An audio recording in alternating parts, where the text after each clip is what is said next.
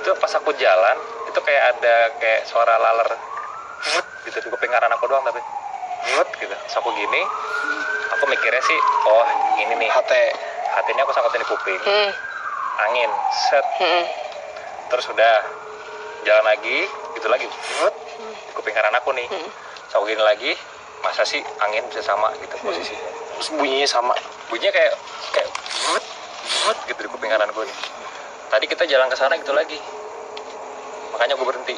Set pas bunyi vut, gue berhenti.